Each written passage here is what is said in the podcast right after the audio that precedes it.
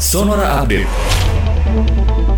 Sahabat Sonora, pemerintah mulai memprioritaskan orang dengan gangguan jiwa atau ODGJ di wilayah Jakarta, Bogor, Depok, Tangerang, dan Bekasi atau Jabodetabek sebagai penerima vaksinasi COVID-19.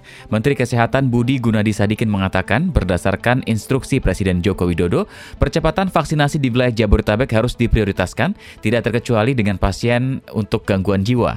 Menurut Budi, vaksinasi untuk ODGJ ini baru pertama kali dilakukan. Alasannya, penyandang disabilitas mental umumnya memiliki komorbid komorbid, namun mereka tidak bisa menceritakan atau menjelaskan secara terbuka apa yang dirasakan atau dialaminya.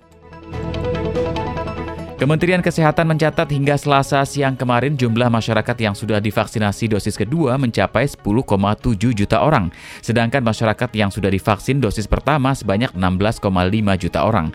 Hingga tahap kedua ini, pemerintah menargetkan 40,3 juta orang yang menjadi sasaran vaksinasi COVID-19. Adapun masyarakat yang divaksinasi yakni dari kalangan tenaga kesehatan, petugas publik, dan juga lansia.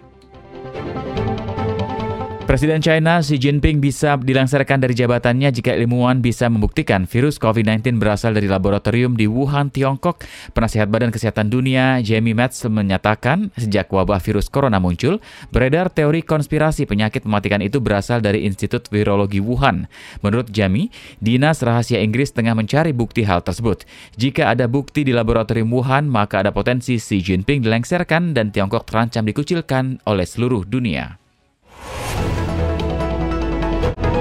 Demikian Sonora Update.